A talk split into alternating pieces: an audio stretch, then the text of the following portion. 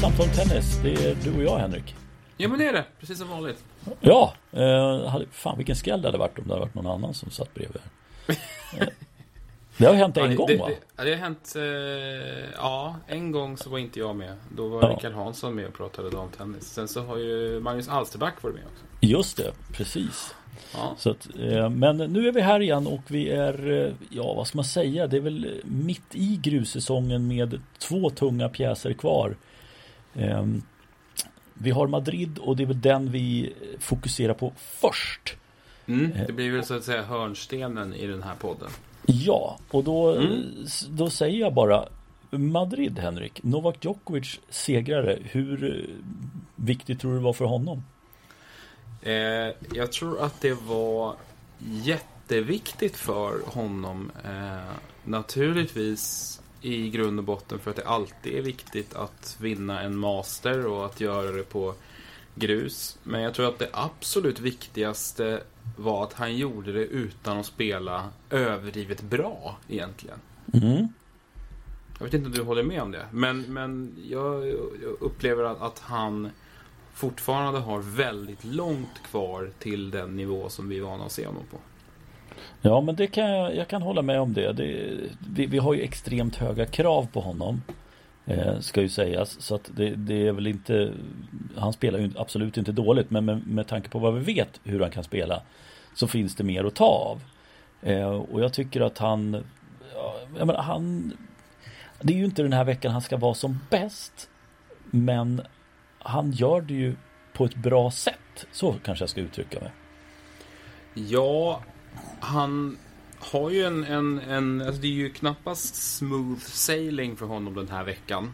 Eh, Trots, att han inte tappar rätt sätt. Nej, precis. Och det kan, man, kan ju tyckas konstigt. Men eh, det finns en del tillfällen i den här turneringen där saker och ting inte går som han vill. Han har ett lite turbulent andra set mot Chardy till att börja med. Eh, och där någonstans börjar han knorra lite och bli liksom... Eh, det växer en irritation hos honom som definitivt är uppenbar i semifinalen mot team. Den där är han på riktigt dåligt humör matchen igenom. Och det är en match som han ska vara väldigt glad att han går segrande ur. Eh, han får god hjälp av att team bränner jättemycket chanser.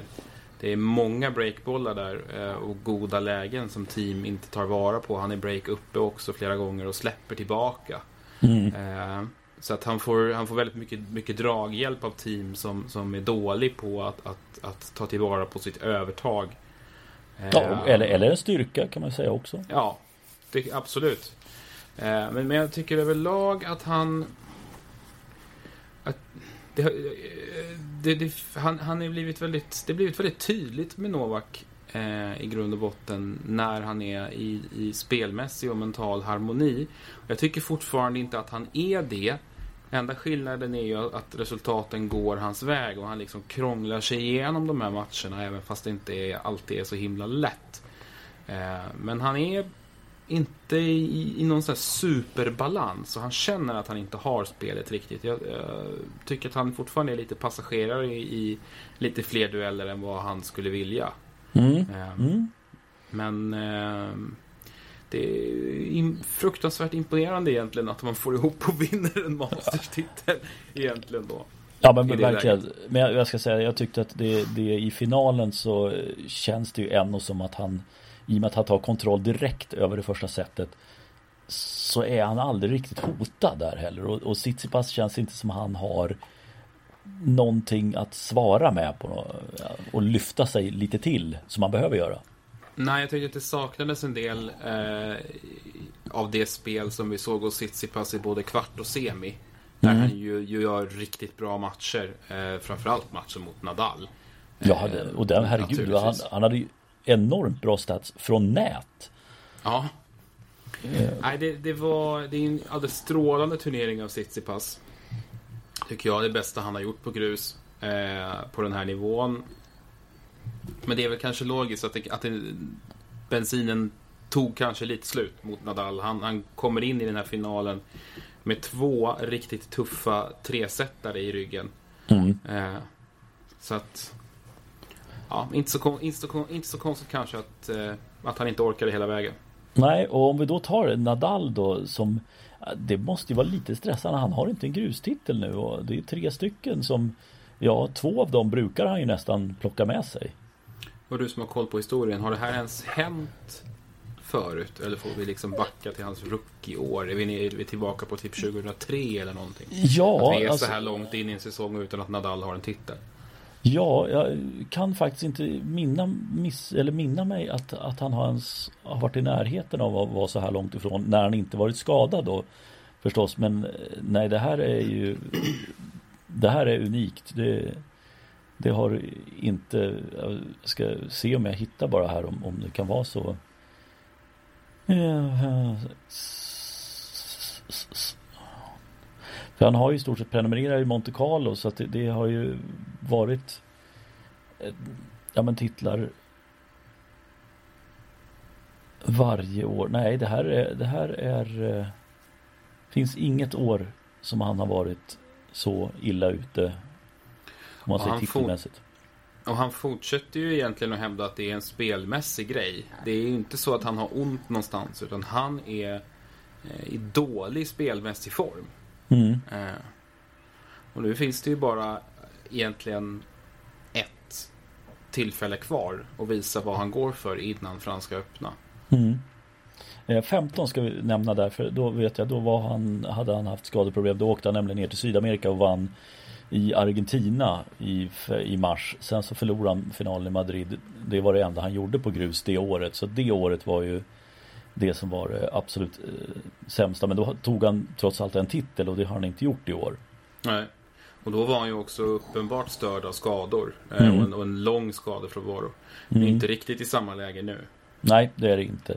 Så att nej, Jocko, eller vad säger jag, Nadal, det, det där det är nog lite stressande för honom att inte kunna komma in som en Han kommer vara favorit i Paris ändå Men inte som den självklara omöjlige Nadal Nej, och jag, jag, vet inte om man kan säga heller att, att han har kommit särskilt mycket närmre någon slags grusform nu än om man jämför med hur han har spelat i, i Barcelona eller i, i Monte Carlo.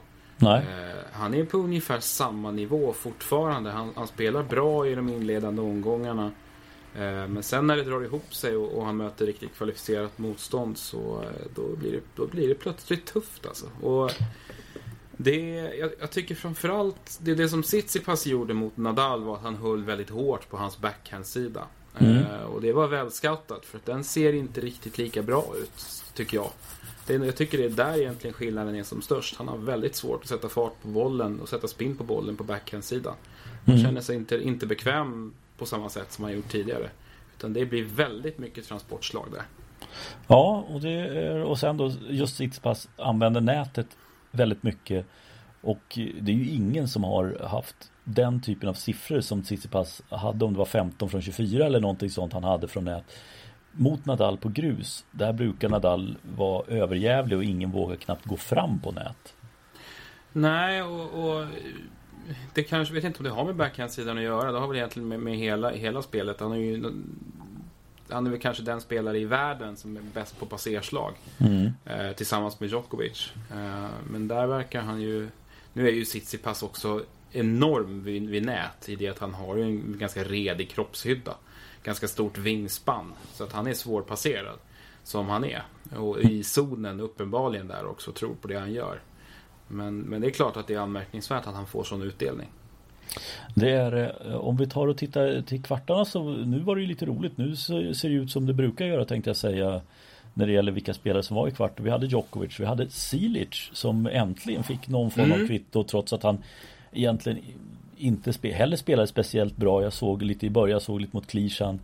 Eh, och det var ju inte så att han imponerade storligen direkt. Eh, egentligen inte. Eh, nej. Eh, men han, han, får lite matchutdelning. Han, han hänger löst både mot Struff och mot Gere egentligen. Eh, och stör sig då uppenbarligen av någon, någon skada där. Som gör att han drar sig ur mot, mot eller det var, det var, ja, jag tror det var matförgiftning. Sju, ja, matförgiftning precis. Så är det bara. Eh, men det är ju en resultatmässig framgång. Det bästa han har gjort i år. Vilket Mm. säger ganska mycket om vilket dåligt år han har haft. Verkligen. Eh, jag tror inte han hade haft så mycket att sätta till mot Djokovic, ärligt talat. Men, men eh, han ska vara glad för de där två matcherna som han får med sig.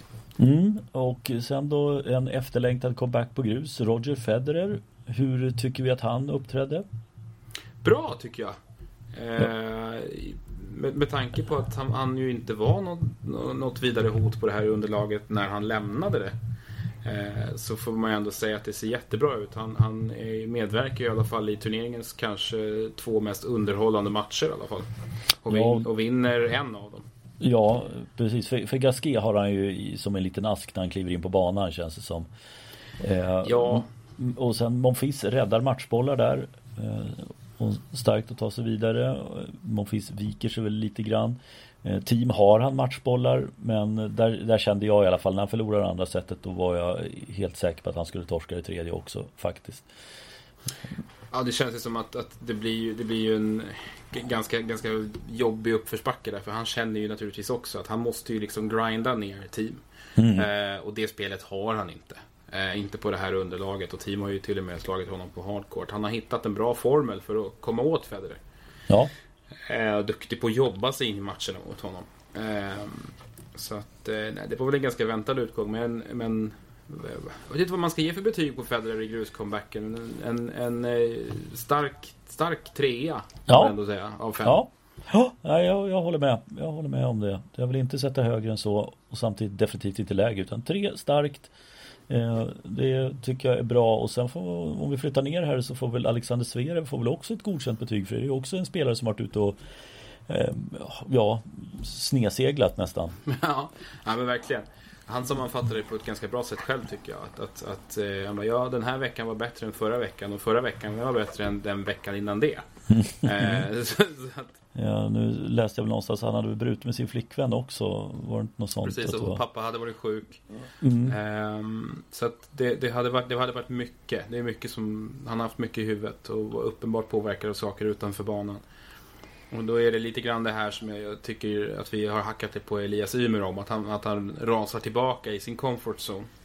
Ja, Och då resulterar det i att han bara står vid bas, någon meter bakom baslinjen och i stort sett puttar tillbaka bollen. Han sätter inte fart på den. Han, han låter andra styra spelet och då, då är det inte så mycket kvar. Eh, det räcker inte så långt då. nej det gör ju inte det. Men det räckte till en kvartsfinal här.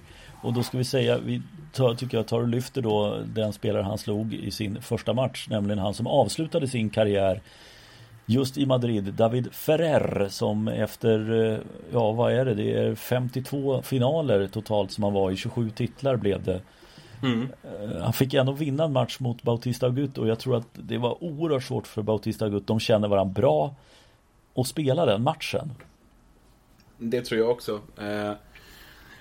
Eh, och naturligtvis ville ju inte Ferrer att det skulle ta slut. Eh, välförtjänta hyllningar. Små, alla sluter upp och, och, och öser lovord över honom. Och det är ju, det är ju rimligt. Det är ju Torens största hjärta och lungor som, eh, som plötsligt försvinner. Eh, Ja. Så att det är, han kommer att lämna ett tomrum efter sig. Ja, Eh, det, det, är- får man det är lov en att säga. stark Det, profil. ja, Och det är spe- vi, vi kan väl vara överens om att det här är Ja, jag vet inte om vi kan det, men det kanske vi kan. Att det är världens bästa icke Grand Slam-vinnande spelare genom tiderna. ja vi, har, vi pratade ju om det tidigare här och i ett avsnitt gjorde vi väl till och med om det va. Mm. Eh, att eh, det är nog den, den spelare som har gjort sig förtjänt. Han, eh, han var alltså i sex stycken mastersfinaler. Han var i en slutspelsfinal och så var han då i final i Franska öppna 2013. Fick inte med sig någon av dem. En masterstitel vann han i Paris och det är jag väldigt glad för att han fick vinna en masters i alla fall så att det inte hade försvunnit ännu längre ner utan det är ändå en ganska stor titel han får vinna. Eh, Han vann ju 26 andra, va? Ja, precis. Mm. Och 10 Ja, stycken det är- 500 och 16 250. Här är en imponerande meritrad. Eh, ut, inte, utan slams då, men eh, blev det tre Davis Cup-titlar också, va? Mm. Eh, så att, och en helvetisk massa matchvinster. Ja, Så- och det, det som är, det är ju inte alltid så underhållande att titta på Ferrer om man letar efter roliga saker som händer under en match. Men just den här inställningen som vi har varit inne på så många gånger och, och som jag tycker är fantastiskt. Hans totala inställning till det han ska göra på banan, det, i vilken match det än är. Mm. Och framförallt, framförallt nu i slutet på karriären när det blivit så uppenbart att han inte hänger med spelmässigt längre. Mm. Eh, att, att han ändå fortsatt att ge järnet och kämpa hela vägen. Trots att det har varit jobbigt och trots att serierna har varit väldigt fåtaliga emellanåt. Mm. Så har han ju hela tiden varit där och hela tiden försökt till och med klivit ner på Challenger-nivå. Vunnit matcher där. Eh, och gjort det med samma glädje och samma intensitet. Det, det säger någonting om hans oerhörda kärlek till sporten som han ju ändå måste ha. Ja. Eh, vi fortsätter på till en annan veteran då som tog sig fram och kanske fick ett litet kvitto i Stan Wawrinka. Mm. Eh, och det är ju lite trevligt att, se honom. Man tar en eh, bra seger där också mot Nishikori. Det gör, det gör han verkligen. Jag tycker han gör en jättebra match mot Nishikori. Och även mot Peja som ju är i väldigt bra form som vi vet. Mm. Två av hans bästa matcher i år. Måste jag ändå säga. Eh, jag tycker att han har hittat bollträffen på, på ett sätt som han inte har haft. Han träffar, han träffar renare. Han känns eh, komfortablare eh, ute på banan. Lite som när vi pratade om, om, om Fognini. Att han liksom ser ut att gå till bollen. Eh, och läsa spelet på ett väldigt bra sätt. Lite där tycker jag att Wawrinka börjar hamna igen. Eh, mm. han, han, känns som att han ligger rätt i position. Eh, betydligt oftare än tidigare. Mm, och det, sen får han en lektion och det skrev han på Twitter också. Tack för lektionen eh, Rafael Nadal. Han får 3G med kvarten. Men det är väl inget, alltså det är inget konstigt. Eh, jag tycker att börjar han hitta lite på gruset här så är det väldigt bra. Han är ju inte där han var för några år sedan. I ärlighetens namn. Nej, utan, utan hans, hans möjligheter nu finns ju att han kan blixtra till i enskilda turneringar. Eh, och göra bra matcher. Jag tror inte att han har som han spelar nu så har han inte en, en uh, slam i sig. En till, Nej. det tror jag inte. Men en, en masters möjlighet skulle han kunna göra om han får det att stämma över flera matcher och kanske slipper en spelare som Nadal längs vägen. Mm. Eh, hör du, är det någonting annat med Del Potro gör comeback ska vi säga. Förlorar sin första match mot Laszlo Djere. Eh, och Djere fortsätter att spela bra ska vi säga ja. också slår Lajovic eh, i sin öppningsrond och sen är, är, inte jättelångt borta ifrån att trycka till Silic också. Han är, fortsätter att klättra stadigt på rankingen. Han är i ruskigt fin form. Ja, men i övrigt då, är det någonting att tillägga där eller? Ja, jag såg Dimitrovs match mot Fritz i öppningsrundan och det var inte så kul kan jag säga. Han är i extremt dålig form. Han, han har ingen aning om vad han håller på med där ute. Det är uppenbart. Och kort efteråt så blev det ju klart att han bröt med eh, Valverde. Danny Valverde. Mm.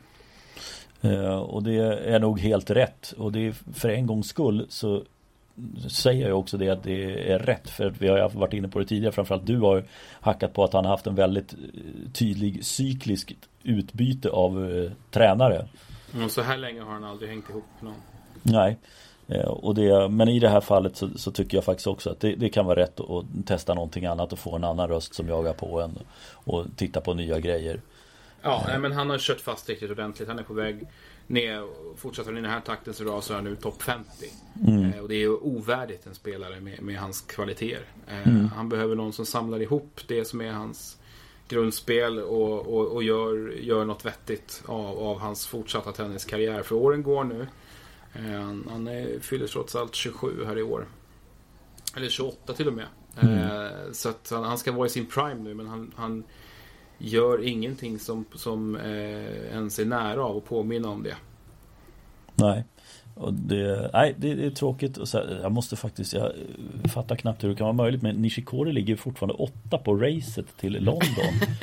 och vi som har hackat så mycket på honom, det, det är otroligt. Jag vet inte ja, var han får sina han poäng ifrån. Han har spelat bedrövligt hur länge som helst. Jag har inte heller någon aning om, om hur, han, hur han har fått ihop det.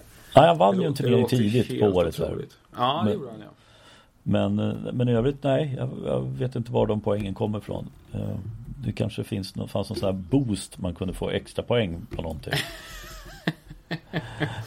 ja, det, det, jag håller med om, att det är, är, märkligt. Men, men det har varit bra spridning på poängen i år överlag. Det har det. Nu, nu drar ju Djokovic ifrån lite grann igen här. Eh, tusen poäng i stort sett till avstånd ner till Rafael Nadal. men sen är det många som ligger ganska ganska tight där. Tsitsipas, han har god, god möjlighet att kliva förbi både Nadal och Federer i, i Rom.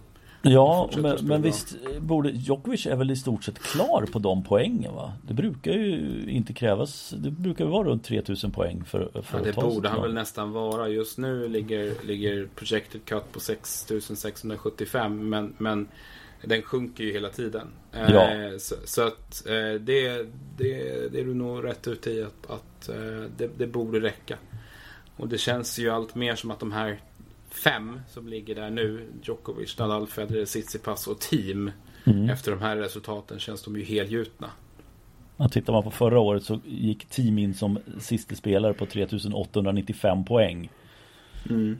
Ja, det är ju bara några hundra pinnar då i så fall. Ja, så är jag glad för slutspelet. Men men, vi stänger väl dörren till Madrid där och ja, eh, hoppar vidare till Rom. Ja. Eh, när vi, vi vet inte riktigt i, när vi släpper det här avsnittet men det har precis inletts då eh, Kohlschreiber och en ung kille som vi kanske borde stanna vid, lite vid Jannik Sinner, 17 år från Italien, fick ett wildcard. Ja, och tog sig till eh, andra rundan här eh, efter seger mot Steve Johnson. Steve Johnson ska vi säga Eh, jag vill, jag vill inte förta någonting från Jannik Sinner. Steve Johnson har spelat som en spann skit hela, eh, hela säsongen. Ja men då åker, då åker han väl och vinner i typ Nottingham eller någonting sånt veckan innan Wimbledon. Så har han räddat året. Ja, eh, det, det, är ju, det är ju inte omöjligt. Nej, han har varit i, i hysteriskt eh, dålig form. Eh, tappat konsekvent på, eh, på, på, rankingen här och knappt vunnit någon match här de sista veckorna. Eh, men, men hur som helst, det är inte honom vi ska prata om utan, utan Jannik Sinner. Eh, och som du säger, wildcard i den här turneringen. Välförtjänt. Han vann en Challenger här för inte alls länge sedan och han har gjort en resa som är eh, helt helt sanslös faktiskt. Ja, uh, han gjorde väl sin han gjorde sin ATP-debut här i Budapest för eh, någon månad sedan. Mm, kom in som, som lucky loser där.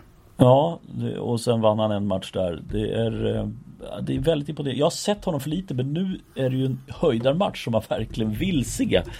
Eh, här i andra rundan då han ska möta eh, Tsitsipas. Ja, Eh, och det blir ju naturligtvis, inte naturligtvis, men det blir sannolikt alldeles för tufft för honom. Men, men oavsett vad, alltså eh, han det, det, det är ju framförallt den här eh, resan som han gjort fram som är, som är häftig. Han har alltså gått från att inte vara någon, någon särskilt ansedd talang egentligen överhuvudtaget och, och liksom knappt han har väl inte ens han har varit topp 100 på juniorrankingen. Till att, till att bara gå som en raket på, eh, på världsrankingen sen han började lira Futures. Han har tagit liksom han har bara brakat rakt in i seniortouren och, och, och gjort som han vill med den egentligen. Ja, det, är, det, det, är en, det är en helt sanslös resa egentligen. Ja, för här, tittar man i år så, så spelar han sin första eh, Challenger för året. Det gjorde han i Bergamo och den tar han sig alltså in och vinner. Ja. Eh, det är, det är så galet och sen eh, spelar han en Future efter och den går han också och vinner. Dessutom på det så följer han upp det med ytterligare en, en Future. Så att, eh, och sen nej, här... en till va? Jag tror att han vann tre i rad eller något sånt där. Nej, det var två i rad var det. Två i rad var det kanske. Eh, oavsett vad. Han, han, har, han startade det här året utanför topp 500. Eh, och nu är han runt 250. Mm. Eh, det, det, har gått extremt fort och, då, och det Trots eh, att, att man har gjort om hela jäkla ITF-touren och gjort det svårare att klättra upp på rankingen. Ja. Och han har, han har klarat det hur enkelt som helst. Och eh, som sagt, inte ens 500 när året startar. Förra året vid den här tiden var han inte ens eh, topp. Han var, han var precis topp 1500 i världen. Mm. Ja. Alltså, det... ja. Och det är, ingen som, det är ingen som riktigt begriper var det här kommer ifrån. Det är ett genombrott som som inte riktigt kan förklara. Han är ingen, ingen Ogier Aliasim i, det, i, det, i, liksom, i sin talangutveckling. Han är ingen som har... Jag såg att Johan Garpered som både du och jag eh, följer på Twitter mm. eh, skrev att, att, att, han hade sett honom och, och, och, de har mötts tidigare och han har liksom inte, inte han, har, han har varit en i mängden. Han har varit en dussinlirare. Ja, för titta, eh. det är ju inte så att han är inte lång. Han är, han är 1,85 lång. Han är inte en stor kille. Han är byggd ungefär som hockeyspelaren Elias Pettersson kan man säga. Ja, det är bra. Li lite lika i, i kroppsbyggnad och uppsyn kan man säga. Ja, men det, men det här kommer bli intressant att se om det här är någonting tillfälligt eller om det här faktiskt är så att den här killen kommer vara Italiens nästa stjärna. Ja, ja, av det jag lilla jag har sett av honom eh, så, så finns det ganska mycket att gilla. Det är svårt att se vad han kan omsätta det till framöver. Men, men jag tycker han spelar ganska klokt. Eh, inte så att han har några så superduper vapen. Men, men han, han lirar klokt. Till, framförallt bra passerslag, duktig med sin backhand. Eh, väldigt placeringssäker. Mm. Sätter bollen tätt intill linjerna och verkar ha en väldigt god kontroll på vad han gör. Så när han får, framförallt när han får styra tempot själv. Um, nej, det blir ju, det blir ju skithäftigt att se vad han kan göra mot Tsitsipas. Den ska man ju verkligen inte missa om han har chansen. Precis, men eh, tittar vi här då. Om man bara säger vem tror du vinner? Jag tror ju Nadal suktar nog enormt efter att ta den här titeln. Det tror jag. Det här är, det här är liksom sista chansen för honom som sagt. Eh, han kommer att ge järnet för nu behöver han ett formbesked. Han måste visa för både sig själv och omvärlden vad han är, är kapabel till. Ja. Eh, och sen, sen, vet vi att, att, när, i och för sig, när, när franska startar så är all bets are off. Liksom. Det är fortfarande Nadal som är favorit. Eh, och och liksom inga, inga lagar och regler gäller ju egentligen i den turneringen. Men så här dåliga förutsättningar är det ju knappt att han haft. Han, han, han, har, han har inte kommit in i Franska öppna i så här dålig form. Kanske någonsin. Nej. Nej men det är inte det och han, han får det ju tufft på vägen för tar sig han till kvartsfinal så är det ju team han kan gå på enligt tidningen. Eh, en semifinal mot Tsitsipas eller Federer. Jag undrar om Tsitsipas orkar tar det hela vägen den här veckan också. Det finns en Fognini där, det finns en Choric. Federer tror jag inte. Eh, och skulle Federer vara i en semifinal mot Nadal på grus, då vinner Nadal. Eh, det, det, tror jag också. Eh, absolut. Jag tror att han kan tagga till lite extra om Federer är på andra sidan. Eh, däremot så tror jag att Nadal bävar inför det faktum att han har team i kvarten. Det tror jag inte han gillar. Team har varit nära och till och med slagit honom ett antal mm. gånger. Och det var inte ens länge sedan. Eh, så att han har ju tydligen uppenbarligen dyrkat upp på honom också. Och där tror jag mycket kommer att handla om vilken form team är i. Han spelar bra den här veckan. Var ju final i dubbel också i Madrid. Ska mm. sägas. Eh, jag tycker han sett ruggigt bra ut. Men han, men han har ju en tendens att försvinna i vissa turneringar och, och, och åka ut tidigt. Kan lika gärna vara så att han, han eh, inte är på tårna mot en sån som Verdasco eller mot en sån som Bautista Gutt eller Katjanov som han kan stöta på mm. tidigt i turneringen. Han, han har ganska lurig lottning han också fram dit. Mm. Så, nej, ja. Ja, nej, men det, det, är intressant att se på övre halvan då så har vi ju Djokovic det är Del Potro som sjua. Del Potro känns helt ofarlig. Han vill bara komma in i spelet. Jag är rätt förvånad att han faktiskt gick på gruset till och med. Ja, jag trodde nästan han skulle vänta till gräs. Men han kanske vill ha lite boll i sig. Ja, och sen då en Zverev och Nishikori som eh, är eh, möjliga fram mot en semifinal för Djokovic. Jag tror att Djokovic borde kunna ta sig till en semifinal. Han har Kohlschreiber där i en tredje runda. Honom gillar han ju uppenbarligen Nej, nej det är sant. Och nu när Kohlschreiber har liksom klättrat över den där enorma barriären han har haft mot att slå så mycket bättre spelare i, i större turneringar så ja, möjligen då. Men jag, jag har svårt att se Kohlschreiber på grusen då. Att han ska ja, slå och han, och han ska ta sig förbi Cecchinato först också. Mm. Eh, den är ju inte helt lätt. Nej. Så att det är kul att se Kasper Rud kvala in och uh, möta på en annan kvalspelare. Underhållande match skulle kunna bli Daniel Evans. Det känns som en matchup som ska passa Rud på det här underlaget. Evans är ju ingen, ingen grusfantom eh, egentligen. Hade det varit på gräs hade Rud fått stryk så bara vissla om det tror jag. Mm. Mm. Eh, hörru du, det, det, som är mest intressant här tycker jag är ju att Federer väljer att spela Rom också. Mm. Eh, för det, det pratades väl en del om att han inte skulle göra det. Men nu väljer han att göra det och min fundering är lite så här, varför då? Jag tror helt enkelt att det handlar om att han tyckte det var ganska kul. Ja. Eh, det gick rätt bra i Madrid. Eh, ett, uppenbarligen så har han inte ont någonstans. För då hade Nej. han ju inte spelat. Eh, jag tror att han kom underfund med att det här var ganska roligt. Eh, han gjorde en bra turnering. Han åkte inte ut på något mindre hedervärt sätt utan han åkte ut mot spelare som var i, i bra form och som spelade bättre än vad han gjorde och som orkade mer. Eh, mm. Och det var inga konstigheter i det. Så att jag, jag, tror att han var sugen på, sugen på att spela helt enkelt. Inte konstigare än så. Tror du det här försämrar hans Wimbledon-chanser att han spelar då? De här, nu blir det ju tre turneringar på grus. Försämrar det eller är det, spelar det ingen roll? Eller ska man, titta, ska man titta historiskt och liksom titta på Man får väl egentligen titta på de två senaste säsongerna. Det är väl mm. de som är mest representativa för Federer så som han är idag. Eh, och då kan det göra det. I mm. och med att han har mattats av betänkligt efter Wimbledon. Mm. Allt som han, Hans säsong har egentligen ett före och ett efter Wimbledon de mm. två senaste åren. Han har spelat betydligt sämre under, under eh, den amerikanska hardcourten och, och inomhushösten. Eh, så det är möjligt att den här att energin tar slut lite tidigare. Eller väljer han att ta en annan paus då det här året? Ja, han, kan, han kanske står över en del turneringar inomhus. Kanske skiter i så här Shanghai och Tokyo och Beijing och den Men typen det, av turneringar. Jag, jag hade den tanken också. Men nu skulle du inte förvåna mig om han spelar Tokyo du vet med klädsponsorn. Det finns säkert inbakat i hans kontrakt, absolut. Det är en bra, bra poäng. Så att det, det, blir intressant att se hur han väljer och om kroppen håller förstås också. Men likväl, det är en Federer som ställer upp på gruset i Rom också. Kul för Rompubliken, minst sagt. Är det någonting mer du vill säga om det här? Vem vinner? Eh, jag tycker det känns eh, jäkligt lurigt. Jag tror inte att Djokovic går och vinner två i rad. Eh, jag, jag, tror att han sitter ganska nöjd med att ha tagit hem titeln i Madrid. Mm. Eh, och den satt ändå ganska långt inne.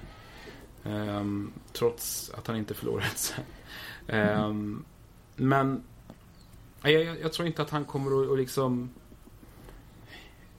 ge allt han har för att ta en titel till om han känner att det skulle påverka hans chanser i Paris negativt. Mm. Eh, men vem som ska kliva in och, och göra det istället Ja, det är väl, det är väl team då i så fall. Ja, jag, jag, jag säger Nadal på att han är så jävla grinig nu för att han inte har en titel så att han kommer Han kommer sätta alla på plats i slutändan här i Rom. Ja, det är ju, ja, det är sannolikt. ja, jag, jag, tror, jag, tror ändå, jag tror ändå att eh, vinnaren har vi där i den kvarten mellan Team och Nadal. Och jag, jag eh, skulle hålla en liten slant på Team med mm. viss reservation för att han helt plötsligt bara rasar igenom och gör en dålig turnering. Ja, och, och, innan vi lämnar det här så måste vi bara, för det här fattar varken du eller jag, men varför Andrea Basso rankad på 419 plats om en hemmaspelare har fått ett wildcard, det är för oss helt obegripligt. Ja, det är, det är, det är riktigt konstigt. Um, framförallt med tanke på att Italien helt plötsligt har uh, fått ihop ett koppel av, av riktigt intressanta unga spelare. Mm. Um, en sån som till exempel Gianluigi Quincy har ju börjat röra på sig lite längre ner. Och du hade ju fyra stycken unga wildcards i kvalet till exempel. Ja. Eh, och jag tror väl nästan alla var hade, eh, hade varit liksom made more sense än, eh, än Basso. Ja, för det är som sagt om det är någon lyssnare som vet varför så får ni gärna svara oss på Twitter så ger vi svaret i, i, vår, i vårt nästa program. Men nej, väldigt konstigt. 25 år gammal i alla fall. Eh, ja, ska vi, ska vi bara, bara stanna upp och, och häpna lite över, över det faktum att Italien plötsligt blivit en väldigt framstående tennisnation?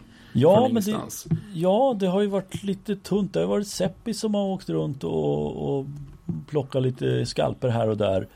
Eh, men, ja, det är, Precis. Se Seppi, Seppi på hardcourt och gräs och Fognini på grus. Det har ju ja. egentligen varit så det sett ut. Och, rest, och så Lorenzi. Lorenzi ja. Som sopar hem Challenger-titlar. Eh, och innan dess Starace och Volandri liksom.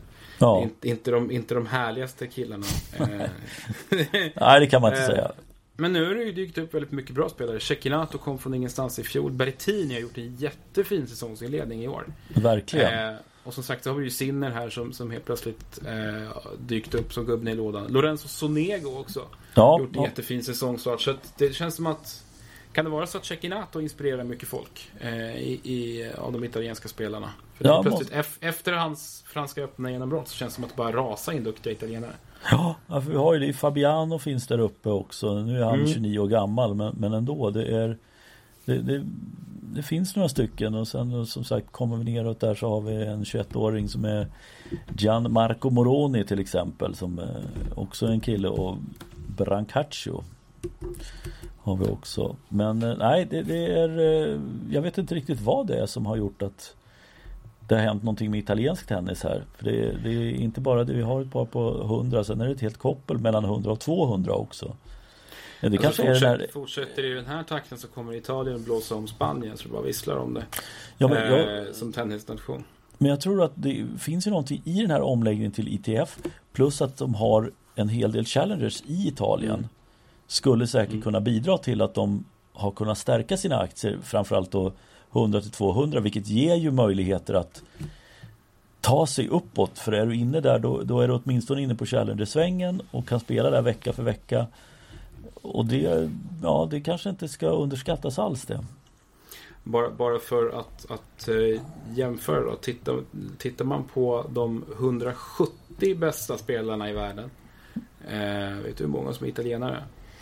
Oh, det, skulle, det är väl över 10 va? Men jag skulle, ja 12 då? 14. Jaha, sådär. Mm. Det, det låter nästan som att det är väl Ja, vad, vad, skulle det kunna vara som utmanar där? Frankrike? Brukar väl alltid ha en... en... Vi, kan ju, vi kan ju dra den jämförelsen eh, nu, nu, när, vi ändå, när jag ändå har verktyget framför mig. Eh, 16 fransmän. Så mm. de, är, de är fortfarande, eller förlåt 15 fransmän. Så de är fortfarande värre då. Men, eh, och sen utgår jag ifrån att det finns eh, en handfull eh, amerikaner eh, som är de är ungefär samma, samma liga där. Kanske något sämre nu till och med. Ja, precis. Eh, är väl inte, inte på topp även fast det finns en hel del amerikaner. Men eh, som sagt breddmässigt så, så och, det, och det, är alla, det, är alla, det är alla möjliga ålderskategorier. Det känns liksom som att jag har, jag har inga statistiska belägg för det här så att jag vill gärna synad på det. Men, men det, min uppfattning är i alla fall att sista året så känns det som att det, att det har skett en slags kollektiv höjning inom italiensk tennis. Ja, men det, det kan jag också kan jag skriva under på. Mm. Det, det, är verkligen en känsla som man har. Och är det någon som har en bra, bra teori om varför och vad det är som har hänt? Jag, jag tror att Cecchinato har, fungerat bra som inspiratör. Eh, då får man gärna skriva till mig på Twitter. Ja, helt, helt rätt Henrik. Eh, nu tar vi och eh, ja, vi tar något helt annat här nu. För att eh, jag fick eh, feeling i, i veckan här och eh, mm. eh, mejlade dig en möjlig Båstad-lineup. Eh, den, är, den är ju bara några veckor bort själva när deadline är och när det kommer. Jag har inte sett någonting om någon spelare som är klar Nej. än så länge. Och jag, tänk, och jag, tänkte, jag tänkte fråga dig om det. Vad, vad säger det egentligen? Uh, nu är vi, det är ju nytt management i år. Mm. Uh, jämfört med i fjol. Men, men man, någonstans förväntar man sig ju att man ska gå ut och berätta vilka det är som kommer. Ja. Det brukar man ju vara ganska, ganska, ganska god framförhållning med. Ja, och det känns rätt lustigt för den första brukar komma eh, någonstans efter Miami brukar det första namnet komma. Ja, mars, mars april brukar, brukar det trilla in lite namn. Mm, men nu som det ser ut då så har jag gjort en liten lista här och då satte jag Basilashvili utifrån, nu har jag bara rankingmässigt här tagit ja. de som jag tror är möjliga. De åtta sidor skulle i så fall vara Basilashvili, Cecchinato, Goffin, Schwarzman, Simon, Garin, Wawrinka, Verdasco. Mm. Och jag skulle kunna motivera, en Cecchinato vill spela grustennis lite mer. Eh, tror inte han kommer gå långt i Wimbledon. Eh, och då är det ju Omag eller Båstad om han spelar veckan efter Wimbledon. Jag tror att han håller sig kvar. Han kommer säkerligen spela Hamburg också. Goffin tror jag behöver poängen och vinna matcher. Eh, och detsamma gäller Diego Schwartzman som har haft det lite tungt i år. Eh, Simon skulle, ja varför inte, och Garin som vi har varit inne på tidigare, han fick ett wildcard som ung. Han skulle kunna stanna kvar här i Europa och spela grus. Eh, Wawrinka skulle ju kommit i fjol men drog sig ur sent då. Tror han behöver poäng också. Eh, och Verdasco, ja det behöver man inte ens motivera. Men eh, där är mina tankar kring de åtta sidare där. Ja, jag hade nog nästan valt ut alla. Eh, på riktigt. Eh, det finns ju många som framstår som rent logiskt.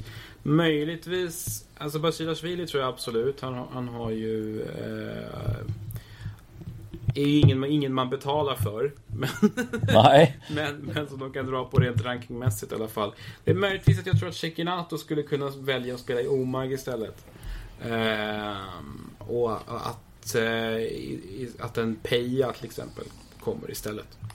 Mm, ja. Eh, men hur var Hade du med Schwarzman?